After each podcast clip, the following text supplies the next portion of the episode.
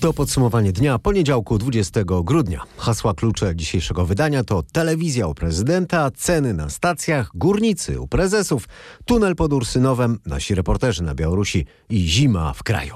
Michał Zieliński, zapraszam. Od trzech dni uwagę mediów przykuwa przede wszystkim sprawa tzw. Tak Lex TVN i pytanie, co z ustawą zrobi prezydent. Może ją podpisać, zawetować albo wysłać do Trybunału Konstytucyjnego i wiele wskazuje na to, że wybierze tę ostatnią opcję. Konstytucja pozwala również prezydentowi odesłać przepisy jeszcze raz do Sejmu, gdzie musiałyby być e, w takim przypadku zatwierdzone większością trzech piątych głosów. Z Pałacu Prezydenckiego w odpowiedzi na ponawiane wciąż przez dziennikarzy pytania o to, co dalej z ustawą, płyną od dawna wskazówki, e, które mogą e, sugerować, że należy uważnie przyjrzeć się temu, co o tych przepisach mówił ostatnio prezydent i że jest to klucz y, do przewidzenia, y, co będzie dalej działo się z ustawą. Andrzej Duda od lata właściwie po pierwsze sugeruje, chociaż ostrożnie, że można mieć wątpliwości co do konstytucyjności niektórych zapisów i po drugie powtarza, że musi stać na straży Konstytucji Rzeczypospolitej. I to wydaje się wskazywać, że Andrzej Duda być może skieruje ustawę właśnie do rozpatrzenia przez Trybunał Konstytucyjny. Chodzić może tutaj przede wszystkim o to, że ustawa nazwana Lex TVN, która zakazuje podmiotom spoza Unii Europejskiej posiadania kontrolnych pakietów udziałów w mediach, zmuszałaby właściciela TVN ze Stanów Zjednoczonych do odsprzedania części udziałów, a taka przymusowa sprzedaż oznaczałaby przecież straty dla inwestora prezydent ma na decyzję w sprawie e, Lex TVN 21 dni. Skierowanie przepisów do Trybunału sprawiłoby, że cała sprawa ciągnęłaby się jeszcze przez miesiące, a może nawet lata, więc nad telewizyjnym biznesem Amerykanów w Polsce cały czas e, byłby, wisiałby znak zapytania.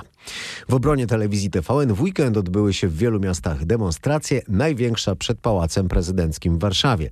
Przemawiali tam m.in. dyrektor programowy telewizji Edward Miszczak, a także lider opozycji Donald Tusk. W sprawie TVN naciskają też Amerykanie. Telewizja należy do koncernu Discovery i w tej sprawie amerykańskie władze e, jawnie i oficjalnie naciskają na władze e, w Warszawie. Mm, jak się udało mi się dowiedzieć, te naciski e, odbywają się również kanałami nieoficjalnymi i są e, bardzo ostre. Sprawą interesuje się również Unia Europejska. Z niepokojem śledzimy rozwój ostatnich wydarzeń w związku z Lex TVN. Mówił dzisiaj na codziennej konferencji e, prasowej w Brukseli rzecznik Komisji Europejskiej Christian Wigand. Rzecznik przekazał też, że komisja zauważyła, że w czasie weekendu, jak to określił, ludzie podnieśli głos w sprawie wolności mediów w Polsce. E, nasza dziennikarka w Brukseli Katarzyna Szymańska-Borgino opowie o tym, co jeszcze rzecznik mówił o przegłosowanej w piątek ustawie.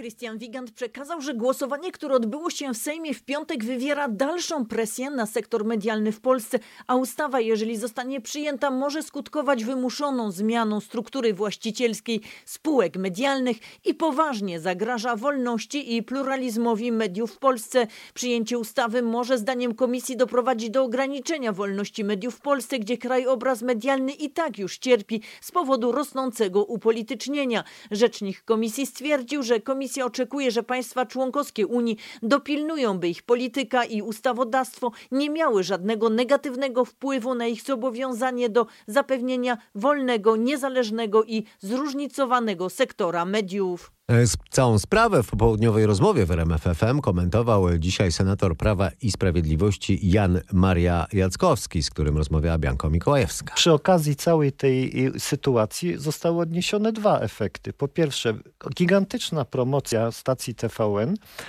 a po drugie, nawet przeciwnicy tej stacji jednak uważają, że w imię obrony słowa trzeba tutaj dać spokój TVN-owi i ociepla się wizerunek TVN-u. I proszę zauważyć, co się dzieje socjotechnicznie i jak, nie wiem, czy to był zamierzony Czyli efekt. efekt jest odwrotny do oczekiwanego przez Jarosława w pewnym sensie, W pewnym sensie socjotechnicznie tak jest, ale to jest naturalny mechanizm w takich sytuacjach, więc jeżeli się podejmuje działanie, to trzeba też brać pod uwagę i tego typu okoliczności. E, a czy PiS będzie podejmował później jeszcze kolejne działania zmierzające do ograniczenia swobody mediów, do tego, żeby no właśnie utrudnić nam pracę, jak pan senator przewiduje? Yy, nie wiem. Y, ja o tej ustawie, o Lex TV, tak zwanej Lex TVN, dowiedziałem się z mediów. To nie jest tak, że wiedziałem wcześniej, że ona, ona była złożona przez grupę posłów. Ale mówi pan w lipcu, kiedy została Tak złożona jest. po raz pierwszy. Czy będą inne działania? Nie wiem. Teraz w każdym razie proszę zauważyć, co się dzieje też na rynku medialnym. No, jeżeli TVN będzie miał, nazwijmy to jakiś, choć ja przewiduję, że to nie będzie aż taka prosta sprawa, no ale załóżmy, że jakieś nastąpiłyby zmiany dotyczące TVN-u, to są inni ważni uczestnicy rynku audiowizualnego w Polsce, którzy z tego i są ko- y, y, komercyjnymi y, nadawcami, którzy z tego tytułu odniosą sukces rynkowy. Także tu też proszę zauważyć, że życie nie znosi pustki. Jest pewien y, tort medialny, nazwijmy to. Różni silni nadawcy mają poszczególne fragmenty tego tortu y, i jeżeli jakiś gracz czy wypadłby, czy zmieniłby y, swoje u, w ramach tego tortu, no to siłą rzeczy nastąpiłyby i zmiany po stronie innych uczestników rynku. Także tu też trzeba to wszystko o tym y, patrzeć na całość. Tyle o sprawie TVN, a teraz w podsumowaniu dnia wrócimy jeszcze do Brukseli, bo tam mają się ważyć losy ewentualnych obniżek cen w polskich sklepach spożywczych. Premier Mateusz Morawiecki i minister finansów Tadeusz Kościński zabiegają w Brukseli o obniżenie stawek VAT na jedzenie. Ponownie zatem Katarzyna Szymańska-Borginą i Bruksela i pytanie, czy możliwa będzie taka zerowa stawka VAT na żywność.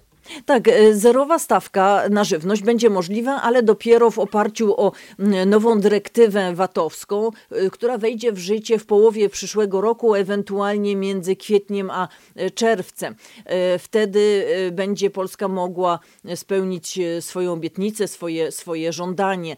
Obecnie, jak mi, mnie Komisja e, e, Europejska poinformowała, obecna, obecna legislacja VAT-owska, przyjęta zresztą jednomyślnie, nie zezwala na zerową stawkę na żywność. Em, Dopiero będzie właśnie to możliwe e, na podstawie tej nowej, uzgodnionej 7 grudnia, e, wstępnie takiej uzgodnionej mm, dyrektywy VAT-owskiej. E, Ta, mm, ta nowa dyrektywa umożliwia stosowanie zerowej stawki w przypadku towarów uznawanych za zaspokajające takie podstawowe potrzeby. Te potrzeby podstawowe, czy towary należące do tych podstawowych potrzeb, to są na przykład woda, produkty lecznicze, produkty e, farmaceutyczne, zdrowotne, higieniczne i tutaj Polska może sobie wybrać siedem grup e, towarów i e, nałożyć, obłożyć je właśnie takim zwolnieniem praktycznie VAT-owskim, zerową stawką, ale dopiero mm, właśnie gdy wejdzie w życie ta nowa dyrektywa, nie od razu. Polska będzie mogła również obniżyć, chociaż już nie do zera, stawki VAT na gaz, energię elektryczną i ciepło.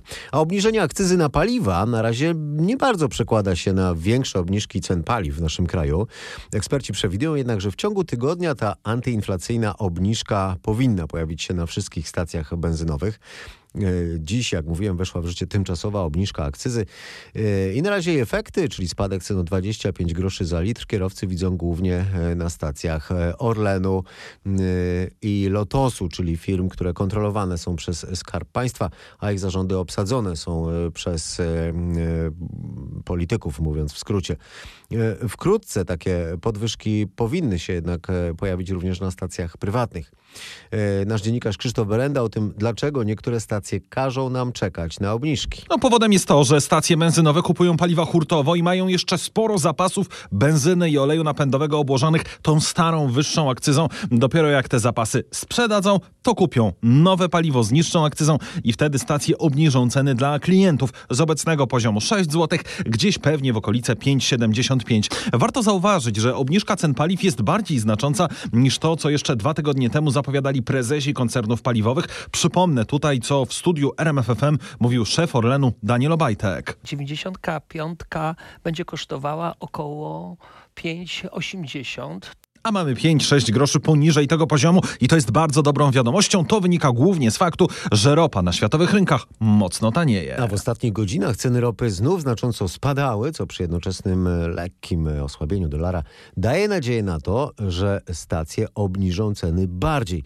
No, być może, kto wie, tak jak zapowiadałem przed miesiącem, nawet do 5,5 zł, bo na razie, jak mówił Krzysztof Berenda, sprzedają stare dostawy albo zwyczajnie po prostu zwiększają swoje marże, e, zwiększają margines swojego zysku i zarabiają więcej, odbijając sobie straty z czasu, kiedy wyśrubowane ceny ropy sprawiały, że z tych marsz schodziły.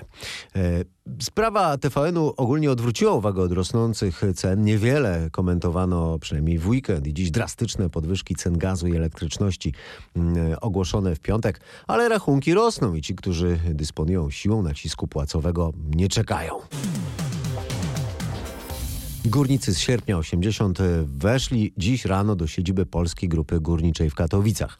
Na jutro, na wtorek, zaplanowano rozmowy z szefami spółki. Te rozmowy mają dotyczyć wynagrodzeń, a w tych rozmowach mają też brać udział przedstawiciele kilku innych central związkowych. Jesteście tu, bo Padła taka decyzja, bo mm, źle się dzieje w Polskiej Grupie Górniczej, ale źle się też dzieje e, jakby z górnictwem.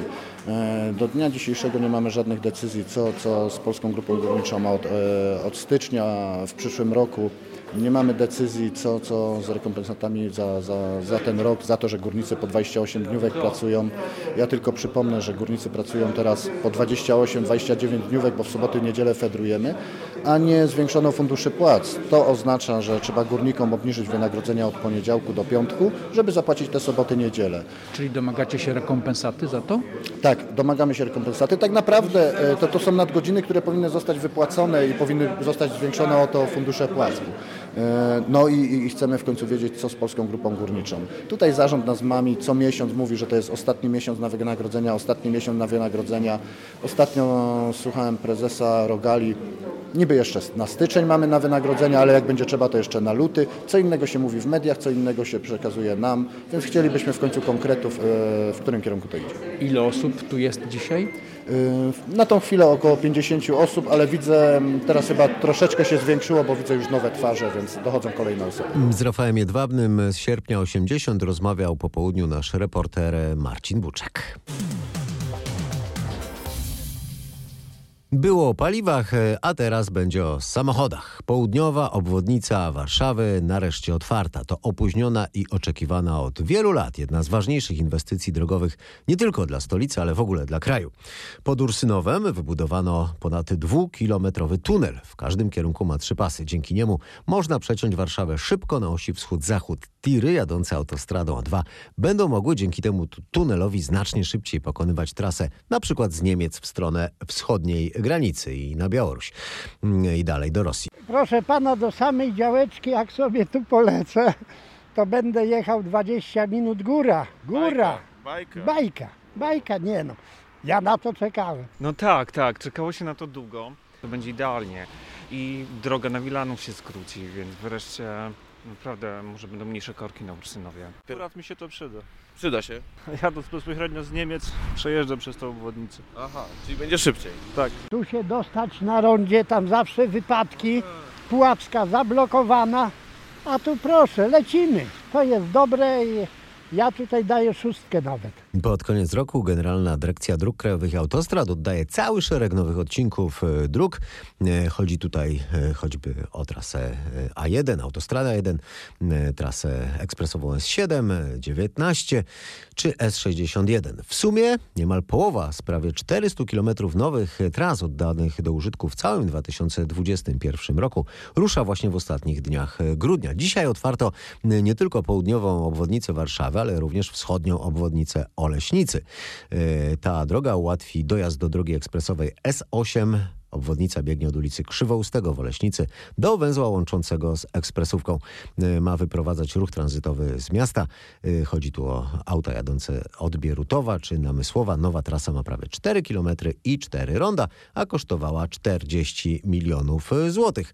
A południowa obwodnica Warszawy dla porównania 4,5 miliarda złotych. Tyle o ułatwieniach na drogach, a teraz o utrudnieniach na trasach. A to są utrudnienia, że tak powiem, natury naturalnej. Atak zimy sprawił kierowcom kłopoty. Yy, Marznący deszcz i śnieg mocno utrudniał jazdę w wielu rejonach Polski, o czym kierowcy informowali nas dzwoniąc na gorącą linię RMFFM. A jedynka, autostrada budowana między Kamieńskiem a Piotrkowem jest całkowicie zablokowana przez y, Gołoleć. Także tutaj, żeby ciężarówki nawet lewym pasem nie szły, nie, nie blokowały tego bardziej, bo nawet piaskarki nie przyjadą. Wszystko w kierunku Łodzi jest zablokowane. Prosto jest całkowicie zablokowane przez y, ślizgawicę. Sokołów Małopolski Rzeszów, przednie nadówką, zaraz za Sokołowem, tiry pod górę blokują drogę, także ciężarówkami, żeby nikt tędy nie jechał.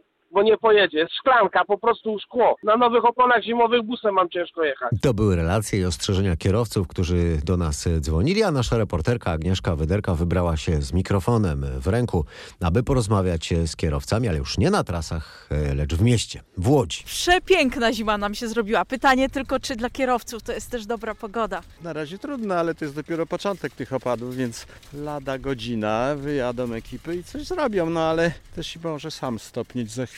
Psychicznie jak dla kobiety bardzo stresujące, jeśli chodzi o podróże, no ale jak trzeba to wiadomo, musimy przejechać z punktu A do B. No zawsze słabe, wiadomo.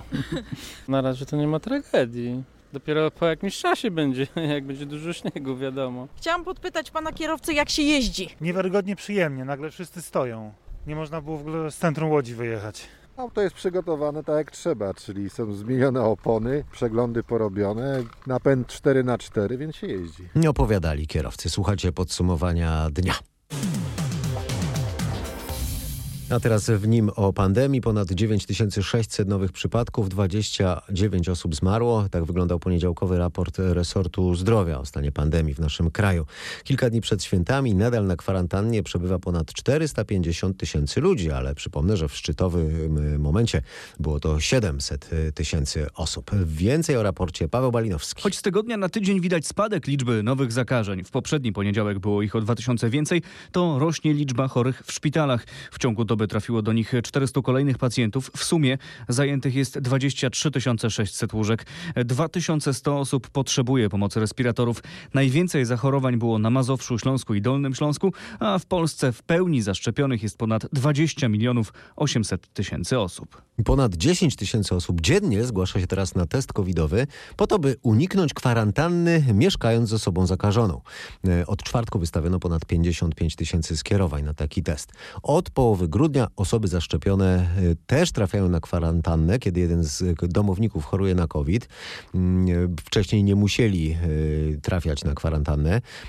Natomiast taki negatywny wynik testu na koronawirusa tę kwarantannę może skrócić. Mariusz Piekarski o tym, kiedy należy wykonać taki test. Nie wcześniej niż dzień po tym, jak nasz zakażony domownik otrzymał swój pozytywny wynik testu. Obrazowo, jeśli jeden członek rodziny jest zakażony i powiedzmy akurat dziś dostał wynik testu, który to potwierdza, cała rodzina trafia w tym momencie na kwarantannę, ale jutro te osoby, które są zaszczepione, mogą już wykonać swoje badanie covidowe, a wtedy negatywny wynik zwalnia z kwarantanny. My podchodzimy do tych zakażeń w domu jak do ognisk. Po prostu traktujemy to jako ognisko. A to ma sens? Przecież następnego dnia dopiero może się okazać, że one się zaraziły. Codziennie mogą się zarazić od tej osoby, z którą mieszkają. Proszę pamiętać, że z kwarantanny są zwalniane tylko osoby zaszczepione. Tak na moje wątpliwości odpowiedział główny inspektor sanitarny Grzegorz Saczka. Skierowanie na test dla współdomowników osób zakażonych można dostać wypełniając ankietę na rządowej stronie o koronawirusie lub dzwoniąc na infolinię domowej opieki medycznej. Warszawa Mariusz Piekarski. A skoro mowa o ankiecie, to nasz dziennikarz Mariusz Piekarski informował również dzisiaj o wynikach sondażu dotyczącego zmian świątecznych planów, zmian związanych z koronawirusem. Okazuje się, że 3 czwarte z nas nie, nie zamierza rezygnować ze świątecznych spotkań z powodu pandemii. Tak właśnie wynika z sondażu United Survey dla RMFFM i Dziennika Gazety Prawnej. Na pytanie, czy z powodu pandemii planuje pan, pani ograniczyć spotkania rodzinne, tak odpowiedziała niemal równo 1 czwarta pytanych. Niczego nie planuje zmieniać, niemal 75% badanych. Znacznie ostrożniejsze są kobiety, częściej niż mężczyźni odpowiadały, że ograniczą spotkania rodzinne. Taką odpowiedź wskazywali też mieszkańcy największych miast oraz, co ciekawe, 30-latkowie. Z kolei 40 i 50-latkowie najczęściej wybierali odpowiedź niczego w świątecznych planach spotkań nie zamierzam zmieniać. I taką odpowiedź nie planuję niczego zmieniać z powodu pandemii częściej wybierały osoby, które deklarowały jednocześnie, że są niezaszczepione. Warszawa Mariusz Piekarski.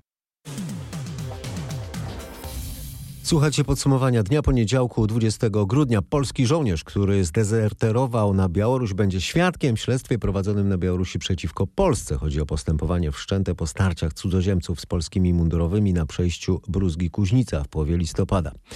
Krzysztof Zasada i Mateusz Chłystun teraz o tym, czego chcą się dowiedzieć białoruscy śledczy od dezertera. Powodem wezwania go na świadka jest wywiad, którego udzielił białoruskim mediom dzień po zniknięciu z Polski. Opowiadał w nim historię o przestępstwach, których na pograniczu mieli się dopuszczać polscy mundurowi.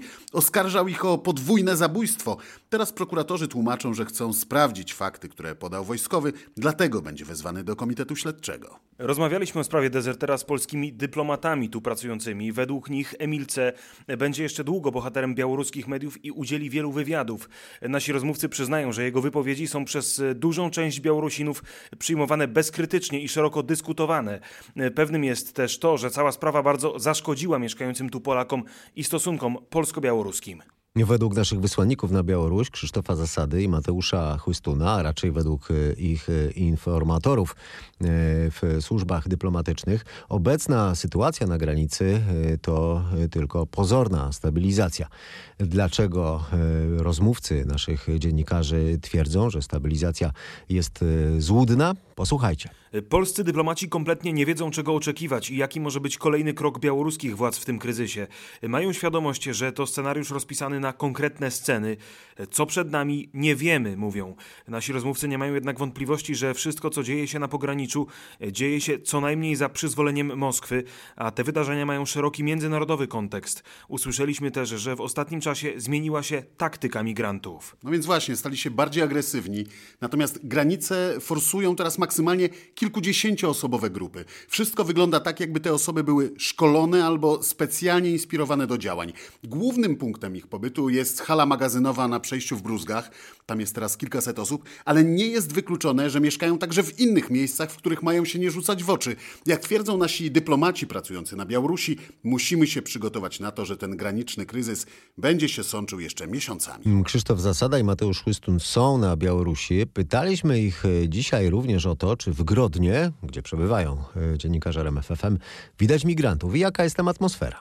Nie ma po nich żadnego śladu. Tak naprawdę w mieście nie czuć w ogóle, że kilkanaście kilometrów stąd na granicy z Polską trwa ten potężny migracyjny kryzys. Mieszkańcy Grodna mówią nam, że migrantów w mieście i przy trasie prowadzącej do granicy widzieli jeszcze nie tak dawno. Przejeżdżali tędy autobusami albo taksówkami. Trochę ich było w Grodnie. Byli, spacerowali po ulicach. To z miesiąc temu było.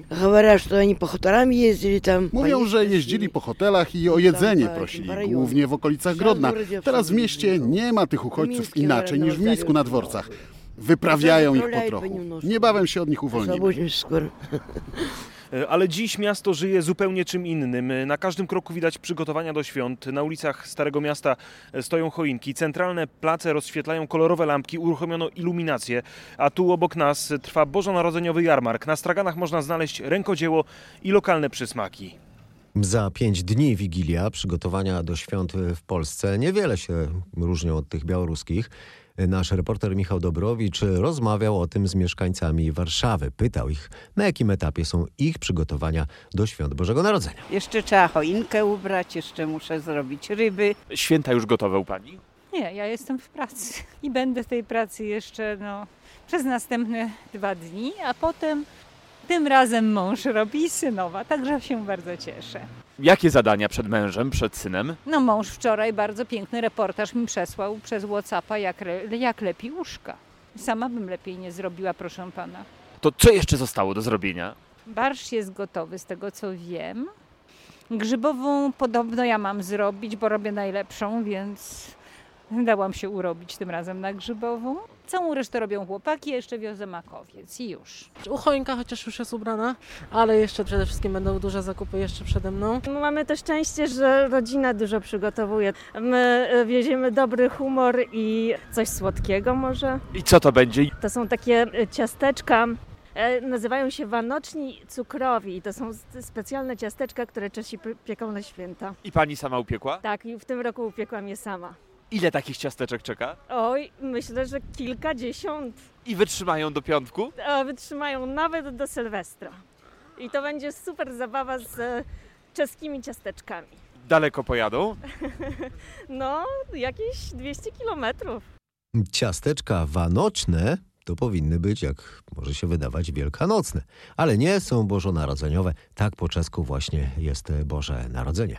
A jutro w kalendarzu 21 dzień grudnia, więc dzisiaj o 16.59 dokładnie zaczęła się zima. Co pani lubi w zimie? Zapach śniegu.